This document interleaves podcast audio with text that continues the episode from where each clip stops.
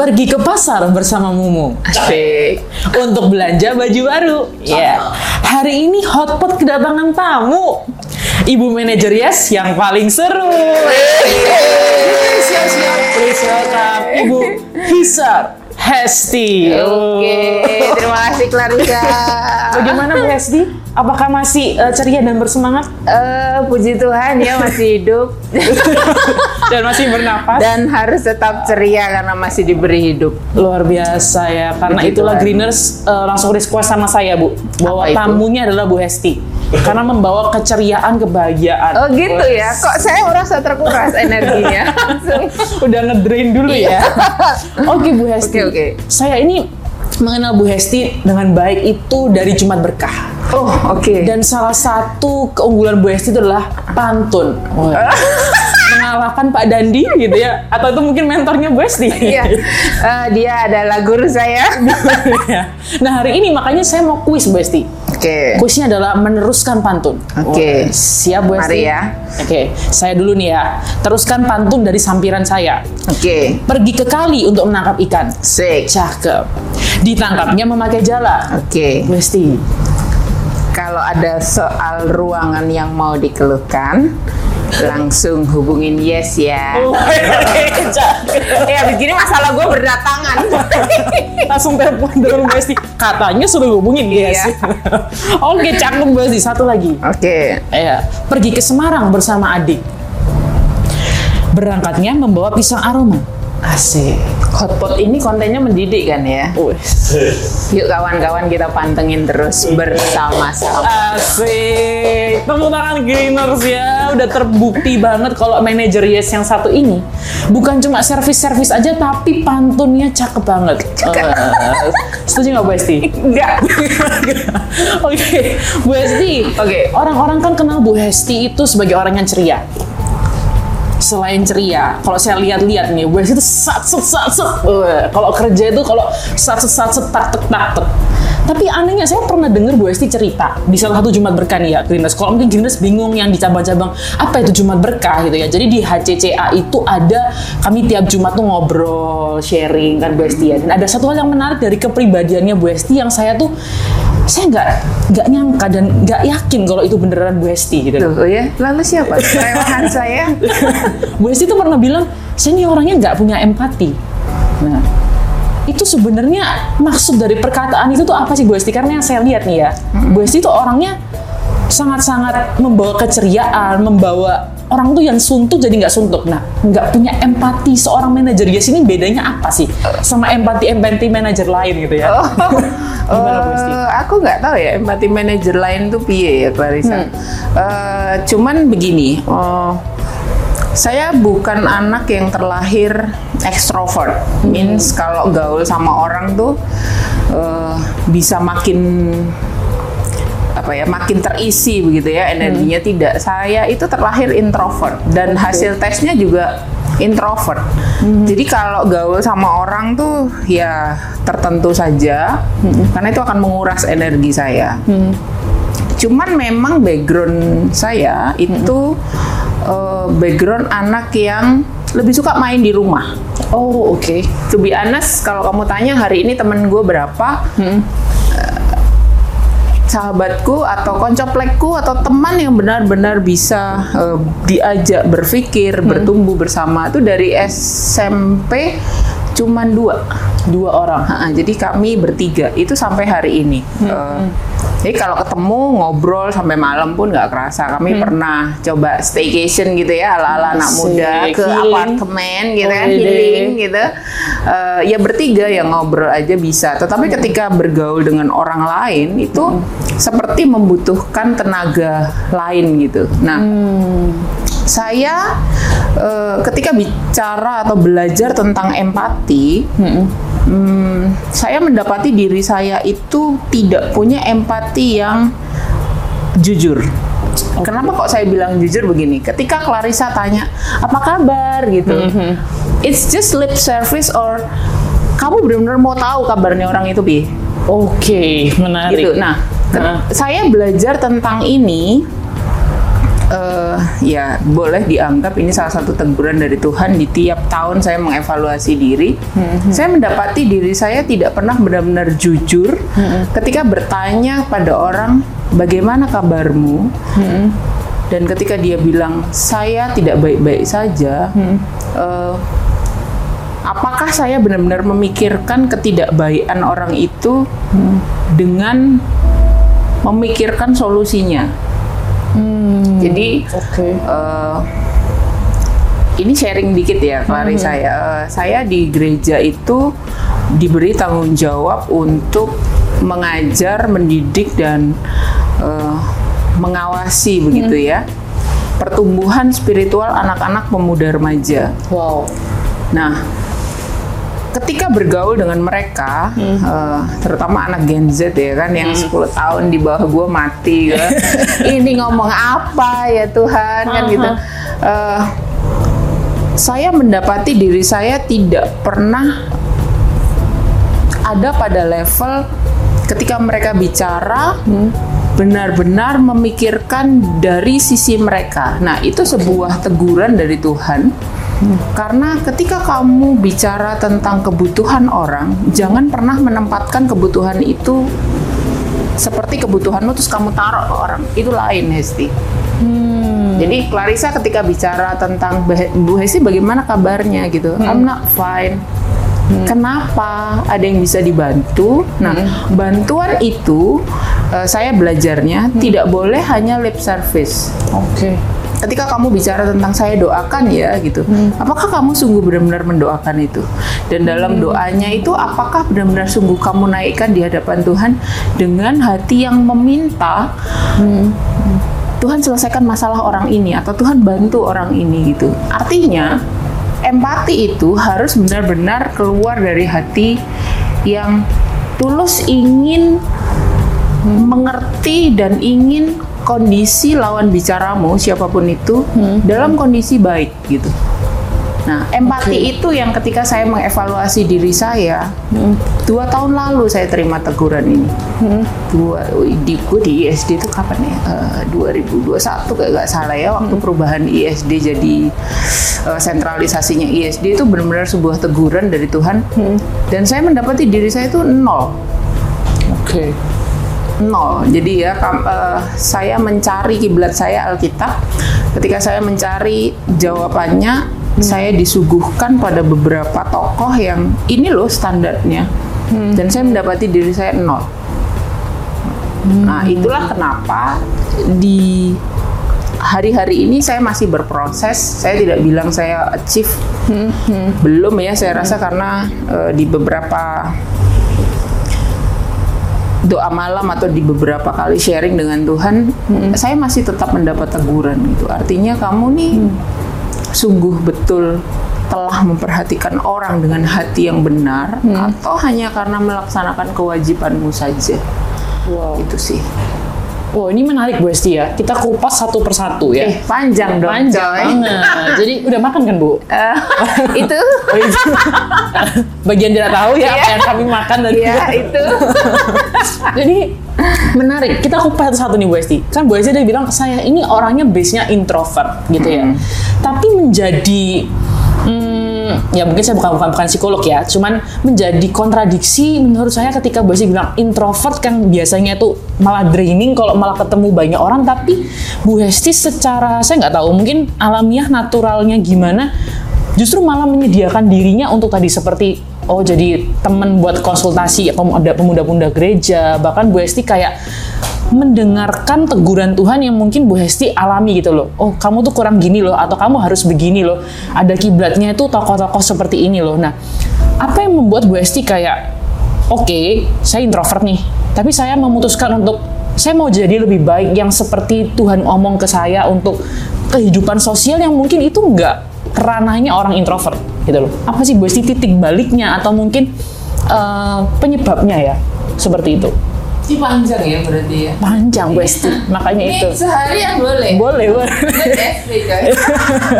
Jadi gini, eh, saya itu hmm, bisa bilang tidak punya kehidupan yang memperdulikan orang selain keluarga saya dari kecil. Oke. Eh, saya baru berkomunikasi tentang sorry berkomitmen untuk menjadi sesuatu ya. Itu sekitar 2012 ya atau 13 ketika Tuhan Oke. tanya kamu maunya apa? Wow. saya jawab saya mau jadi seorang pemimpin. Mhm. tapi besoknya saya ditanya lagi kamu maunya apa? Mungkin Tuhan merasa saya kurang spesifik oke? Hmm. terus eh, begonya gue tinggiin lagi.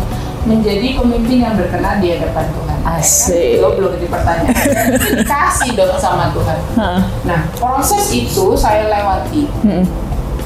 ketika proses itu dilewati ada evaluasi by evaluasi ada teguran by teguran Mhm. nah yang saya pegang adalah titik itu Oke. Nah, proses untuk kemudian berubah Mhm. itu hanya tetap melihat pada eh, permintaan itu. Mhm. Mhm.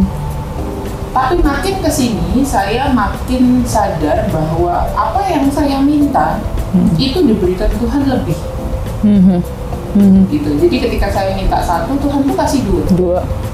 Tuhan kasih dua, kasih tiga, kasih empat. Hmm. Tapi yang perlu kita tahu ya teman-teman mungkin pernah dengar ya di sosmed atau di mana. Mhm. Ketika Tuhan kasih berkat, Mhm. Tuhan tuh juga kasih responsibility. Betul. Tuhan kasih tanggung jawab. Mhm. Digambarkan yang saya pelajari digambarkan di Alkitab Tuhan tuh pengusaha yang baik. Hmm. Artinya ketika Dia memberikan kita talenta, Hmm. eh, secara tidak langsung Tuhan akan bilang kamu kerja apa dengan talenta itu? Hmm. Apa buah yang kamu hasilkan? Betul. gitu. apa feedback yang kamu berikan gitu ya atas talenta itu Hmm. nggak diminta targetnya berapa kayak yang kita KPI KPI, gitu ya. curhat curhat dikit, curhat dikit cleaners ya, curhat dikit ya. Tidak, tapi harus ada proses pertumbuhan yang saya perlihatkan Hmm. nah Hmm. eh, proses itu saya ikuti terus nah Hmm. menariknya adalah saya tidak langsung diperlihatkan ini loh kekuranganmu listnya tidak kalau Oke. kayak gitu pasti gue udah ah nggak ikut Tuhan deh nggak apa-apa gitu Iya iya iya kan. benar benar benar benar. nggak tumbuh-tumbuhan nggak apa-apa gitu forget it aku pernah minta ini tidak gitu. Hmm. yang menarik adalah eh, karena tahu saya orangnya anyway gue anak bontot jadi suka apa ya kalau nggak dikasih ah, ah, manja dikit gitu itu nature di keluarga Hmm. nah saya tuh dikasihnya itu satu persatu diperlihatkannya itu satu persatu nah Hmm. Hmm. titik balik ya kamu tadi tanya Hmm. Hmm. Kenapa kok saya harus merubah itu? Betul. Saya belajar tentang siapa saya Hmm. secara utuh Hmm. itu tahun 2000 baru baru dan itu semua prosesnya eh, Tuhan izinkan Hmm. saya pelajari di spill. Kenapa Wow. saya bilang di spill? Hmm, spill ini salah satu tempat bertumbuh Hmm. yang baik buat saya. Oke. meskipun gue beberapa kali bilang aduh Tuhan mau resign Lepaskan dari tempat ini. Dan- tapi eh, somehow Tuhan tuh tetap meminta saya untuk stay you stay here bukan karena di luar nggak ada hal baik atau berkat yang Tuhan sediakan Betul. itu tidak tetapi ternyata pribadi atau uh, or apa ya culture Hmm. dan proses kerja di sini Hmm. itu yang menumbuhkan saya Oke. itu yang menumbuhkan saya nah proses itu yang ketika saya ikuti Hmm. itu dibuka satu dibuka satu Hmm. lagi dibuka satu nah kalau kamu tanya saya dari saya nyemplung di saya tepil dulu ya tep- tepil saya itu tepil 2016 Hmm. saya masuk karet 2017 Hmm. itu prosesnya lain-lain Hmm. prosesnya lain-lain dan ketika saya ikuti itu satu persatu Hmm. jadilah saya yang sekarang. Sekarang. Jadi tuntutannya itu tidak ada bahasanya itu titik baliknya tidak. Saya hanya mengikuti saja Hmm. apa yang Tuhan sampaikan, Hmm. apa yang Tuhan mau, standarnya bagaimana. Hmm. Cuman pengertiannya begini Clarissa, ini Hmm. mungkin boleh teman-teman sadari atau tidak ya. Ya. Kita ini diciptakan baik. Hmm. kita ini diciptakan segambar dan serupa dengan Allah. Yes. Artinya kita tuh baik. Betul. Cuman gitu ya kita hidup di dunia yang penuh. Eh, aduh, Keruutan ini gitu. ini ya kan? Terus kita jadi ruwet gitu ya. Iya. Kita jadi hmm, kotor, kita jadi nggak bersih, kita jadi nggak nggak baik lah ya. Proses pembersihan gitu ya.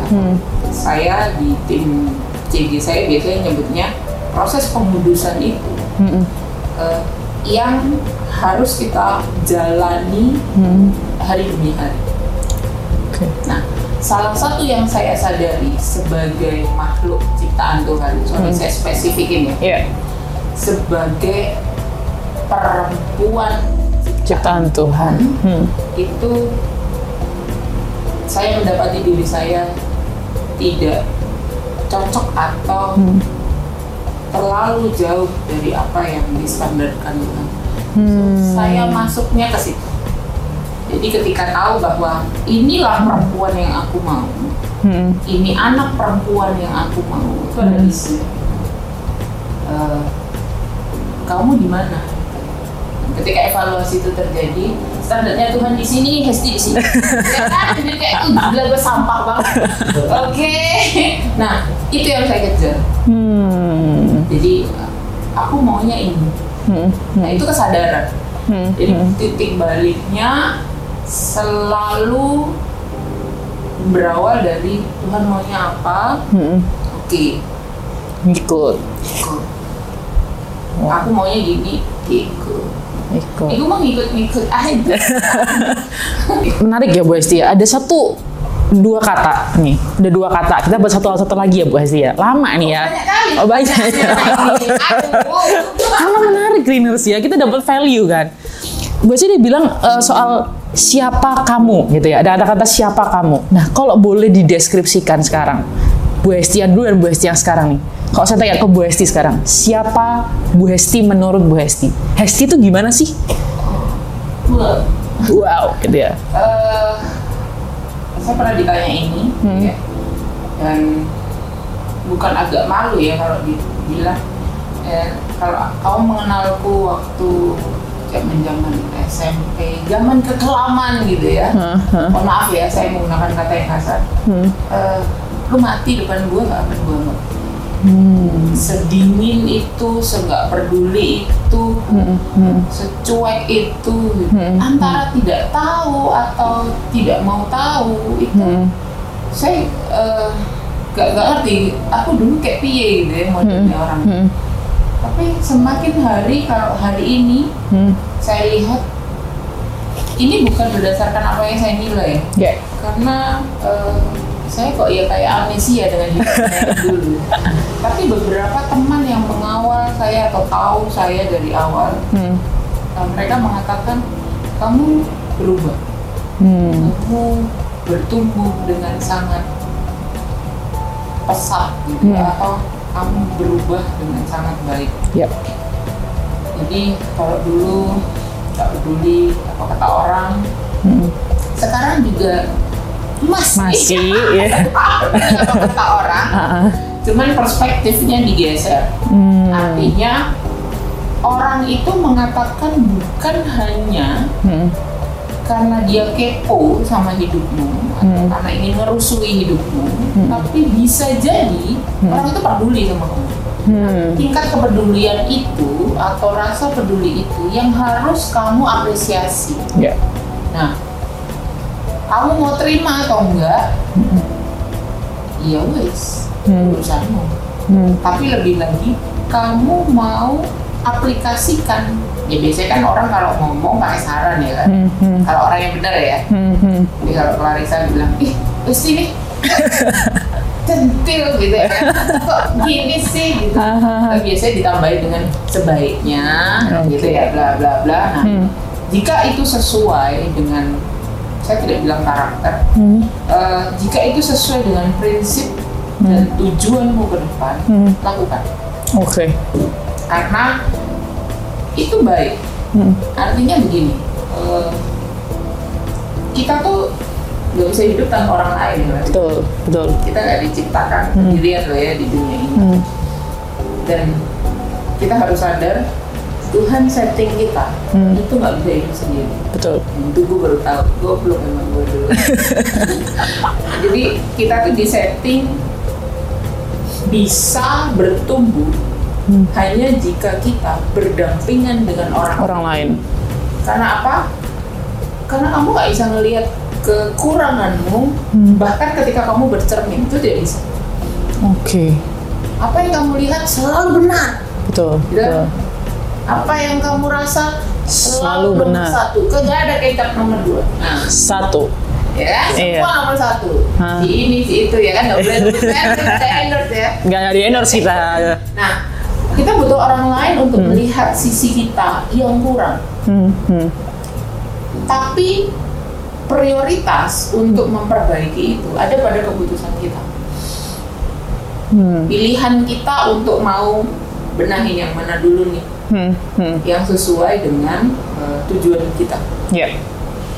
tapi mendengarkan orang itu buat saya setelah tahu ya kan Hmm. Itu bukan hal yang rugi bukan hal yang hmm, berat Hmm. Hmm. tapi ada juga orang yang ngomong-ngomong aja Hmm. kan ada kan anggapannya ngomong aja nggak pakai otak ngomong nggak kan pakai mulut soalnya Iya. pakai mulut ya itu yang kayak begitu Hmm. ya refreshing aja lah Betul. Betul. anggap aja ya mengurangi beban hidupnya dia Oke. Tapi habis itu diabaikan ya itu terserah Betul. Betul. itu sih. Wow. Ini ada satu hal yang menarik, yang Grinders harusnya tahu benang merahnya ya. Jadi perjalanan hidupnya Bu Hesti nih, nggak lekang sama yang namanya eh, evaluasi diri, menilai diri, menemukan diri. Oke, eh, keren banget jalan hidupnya, value-nya, alasannya. Tapi pertanyaan saya gini Bu Hesti, Bu Hesti udah tahu di awal bahwa, aduh jalan Tuhan ini ngeribetin gue. Tapi Bu Hesti tetap masuk, ya kan, tetap masuk. Nah sekarang kerasa nggak sih Bu di awal-awal tantangannya di tim Yes, apalagi kayaknya sih ya Bu Esti adalah manajer Yes pertama mungkin ya yang eh, sorry leader Yes pertama yang mungkin perempuan ya. Biasanya kayaknya sebelumnya Oh, Bu Ani, sebelumnya. Iya, tapi sebelumnya Bu Esti Pak Steven, Steven Agung. Nah, kan peralihan mungkin dan Yes ini banyak eh, cowok-cowoknya ya Bu ya daripada perempuan kan. Ngurusin eh, driver juga, ngurusin ini itu. Nah, tantangannya apa sih tantangannya yang Bu Hesti alami sebagai leader Yes? Yang itu eh, Bu Hesti rasa baru, tapi gimana cara Bu Hesti sebagai leader perempuan menanggapi hal itu? Ini ny- nyambung sama tadi Bu Hesti bilang Tuhan tuh mau saya jadi perempuan yang kayak gini gitu kan. Nah itu gimana Bu? leader ya kita ngomong leader ya. Eh, ini ini ada di kisi-kisi pertanyaan kamu ya kan Jadi- Iya dong. Udah udah kepikir ya. Ya, saya Iya. sempat berpikir ah, pemimpin perempuan menurut Clarissa ini mbak sorry tanya dulu ya. Yes. Saya boleh ya? Boleh boleh boleh.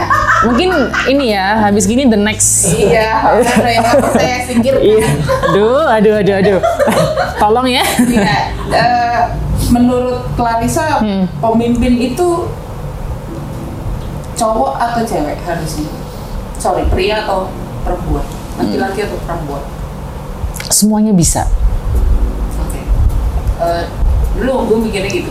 Oh gitu ya Bu ya. Karena eh, ketika saya bilang sama temen, saya mau jadi pemimpin itu kiblatku waktu itu kepala pabriknya itu cewek keren banget menurut gue Hmm.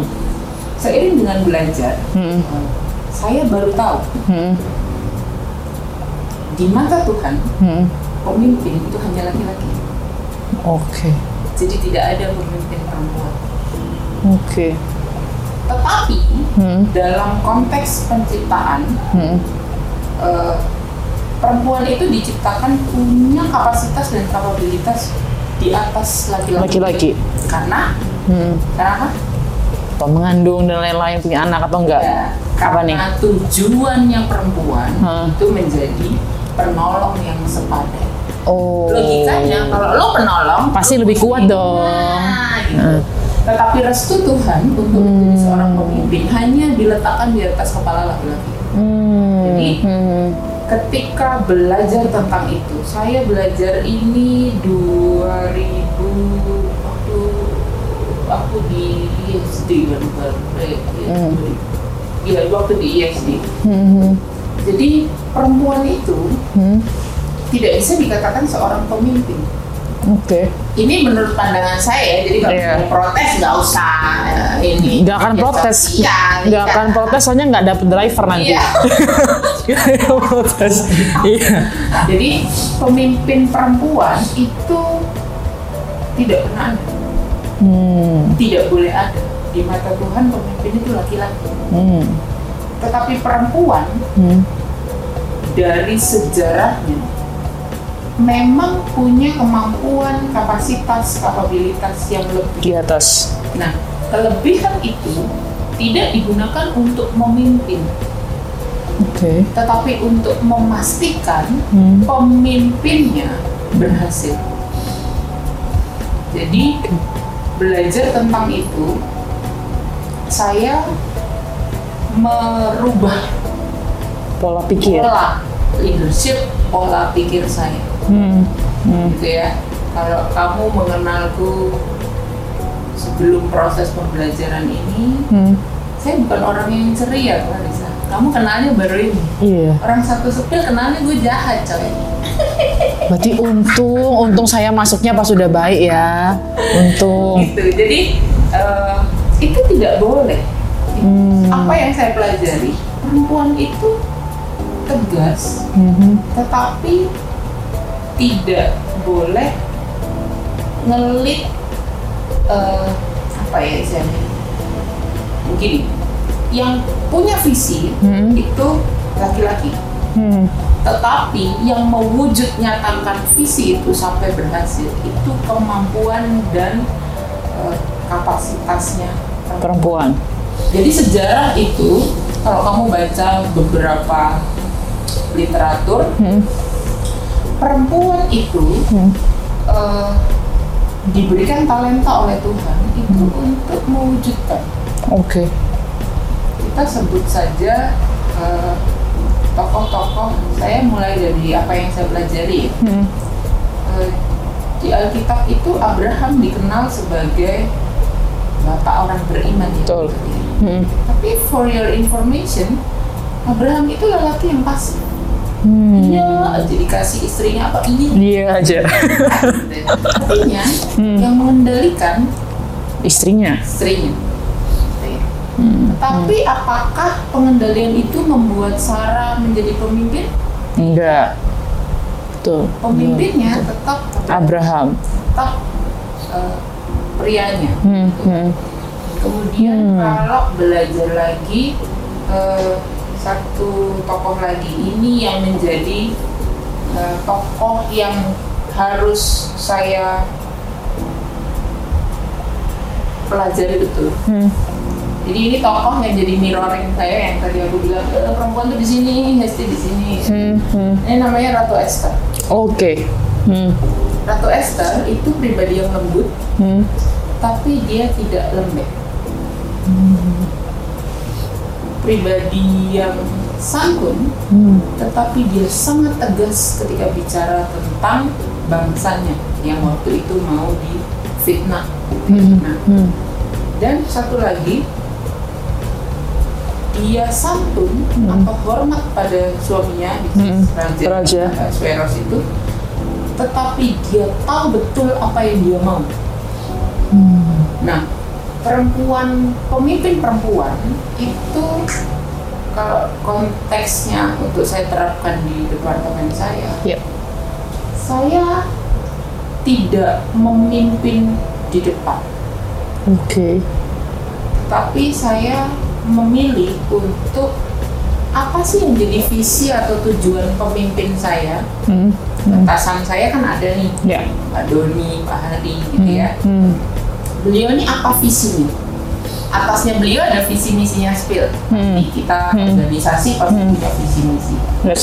Cuman di biasanya diejawantahkan dalam perintah eh, jajaran top manajemen. Nah, itu yang saya lihat. Apa targetnya? Hmm. Nah, eh, apa eh, ikannya instruksi kerjanya KPI itu ya, ya. Hmm. Itu detailnya. Ini Hmm. harus kamu achieve. gitu. Hmm. Jadi KPI-nya apa? Hmm. itu yang jadi saya lihat.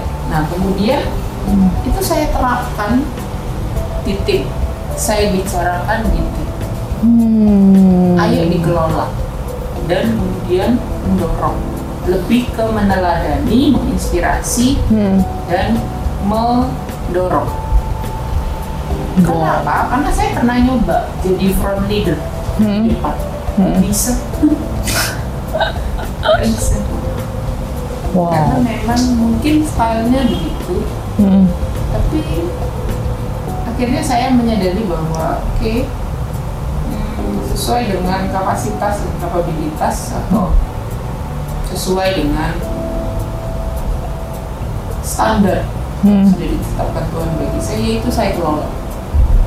Wow. Jadi kalau kamu tanya gimana mau mimpin yes gitu ya, Hmm. Hmm.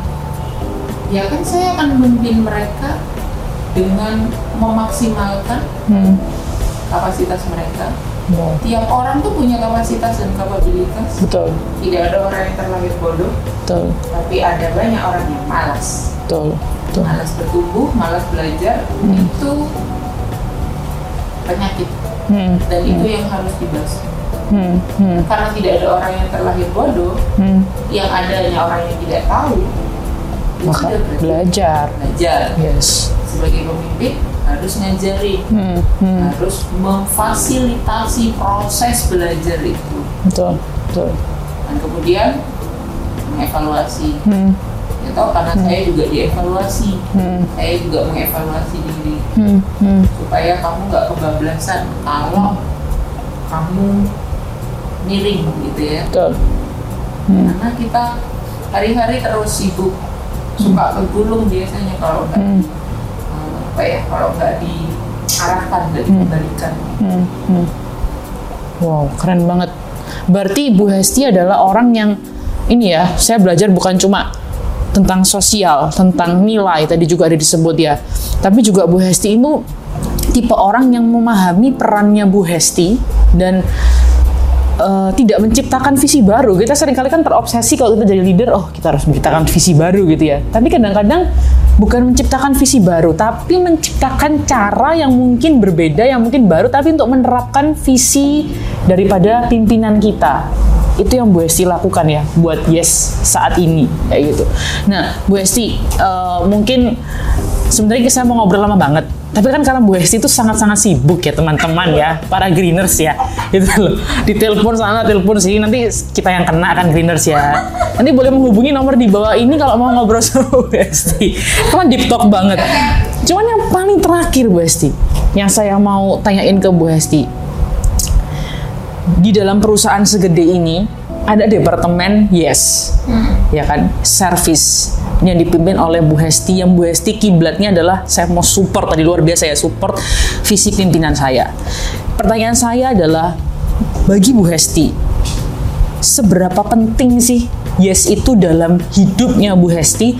Dan seberapa penting yes itu bagi perusahaan ini?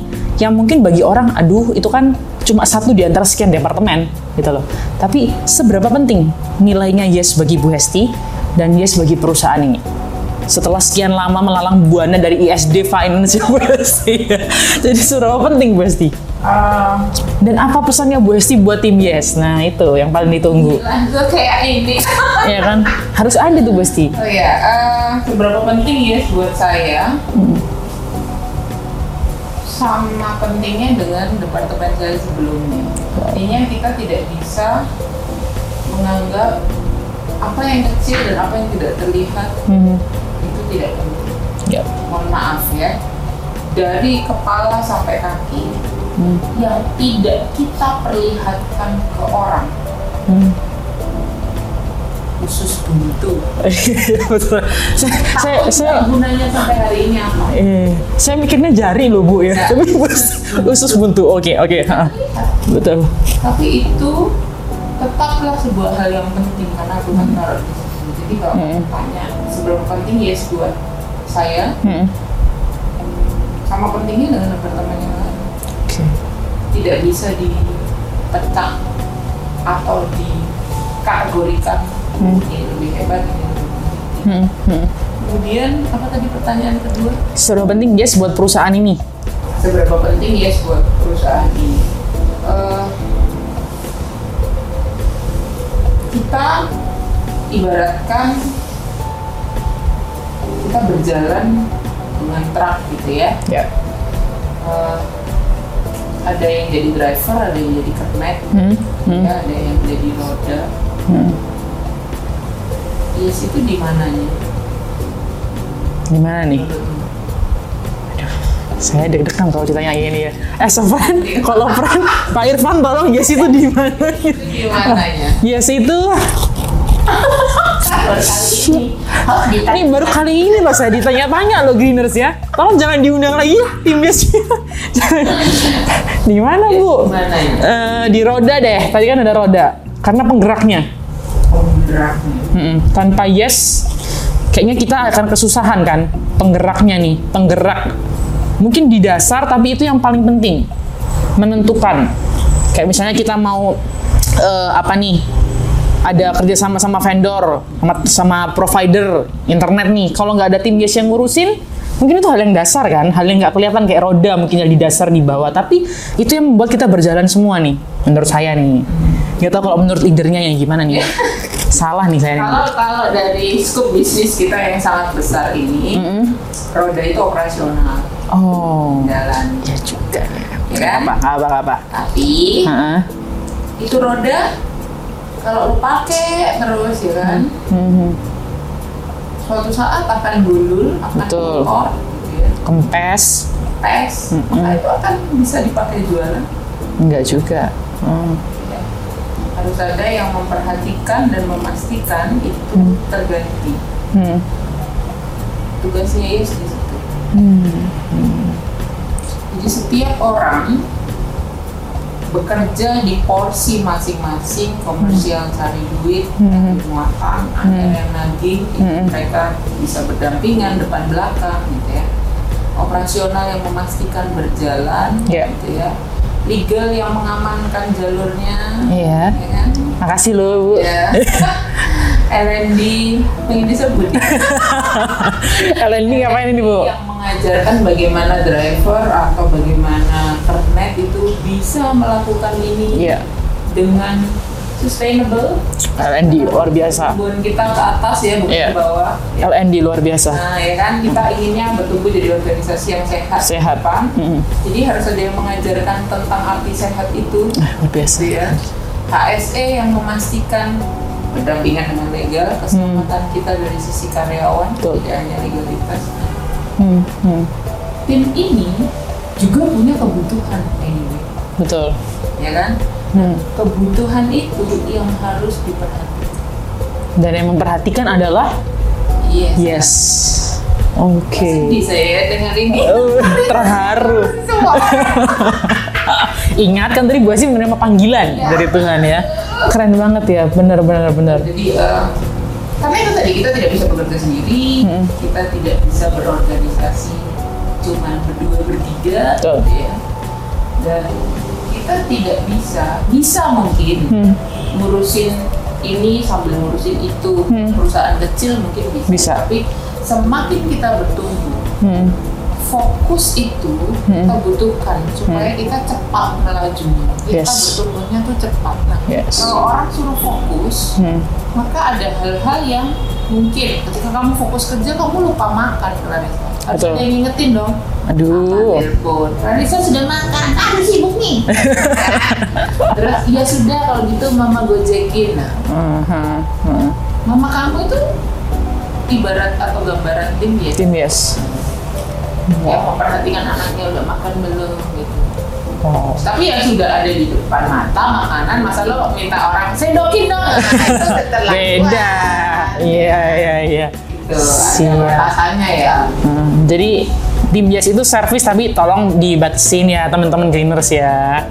bukan batasi Diapain? gitu ya Diapain? ekspektasi Oh. ekspektasi itu harus kita bicarakan Hmm, dikoordinasikan lah segala hal itu dikoordinasikan. Kenapa? karena eh, kebutuhanmu dengan Hmm. kebutuhan orang lain beda Beda.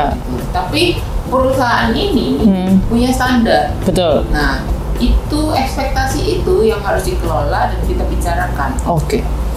Nice. Siap komandan. Dan yang terakhir, pesan untuk tim Yes. Oi. Tadi udah terakhir. Enggak boleh. Harus ada pesan untuk tim Yes. Bagaimana Bu Esti? Di Zoom nanti ya, LND di Zoom, di Zoom. pesan untuk tim Yes apa Bu Esti? Ya, pesan untuk tim Yes. eh, saya tiga bulan lebih ya. Hmm. Mei, Juni, Juli, Agustus, ya tiga bulan. Sudah tiga bulan saya melihat potensi teman-teman baik. Kamu harus dari situ ya. Harus dong. Potensi teman-teman ini baik dan kualitas kerja kalian baik. Cuman baik saja tidak cukup. Dan baik berhenti di kata baik tidak bisa membuat kita terus baik. Kenapa? Karena dunia ini bergerak. Hmm. Saya tuh ingat waktu pertama kali saya masuk karet, Hmm. ini kita sinergi itu kami finance itu disambut oleh Pak Wik. Hmm. Beliau itu speech-nya kayak gini. Kita mungkin belum nomor satu Hmm. waktu itu, Hmm. tapi jelas kita tidak akan pernah menjadi yang terakhir. Wow. Maksudnya urutan paling buncit Hmm. Hmm. kita akan berusaha minimal di tengah. Kenapa? Karena ketika kamu puas dengan berada di urutan terakhir, one day kamu akan tergilas. Waktu itu masih bego, nggak ngerti omongnya Pak Wid ini apa. semakin berjalan ke sini saya semakin menyadari bahwa beliau sedang berkata tentang mengusahakan yang terbaik Hmm. sesuai dengan talent, kapasitas, kapabilitas, kasih karunia yang ada pada kita itu Hmm. harus termaksimal. Yes. Tidak untuk menjadi yang nomor satu karena hasil kebanyakan tentukan. Betul. Tapi menjadi maksimal itu memastikan kita untuk tidak tergilas atau tidak tergerus. Hmm. faktanya prinsip itu membawa kita ke sitting line nomor satu loh di Indonesia. Wow. ya kan? So eh, bertumbuh dari hari ini itu sebuah kewajiban buat saya dan tim di tim saya. Mungkin kalau saya tidak pernah mengatakan ini secara langsung ya nanti di sini gue ngomong deh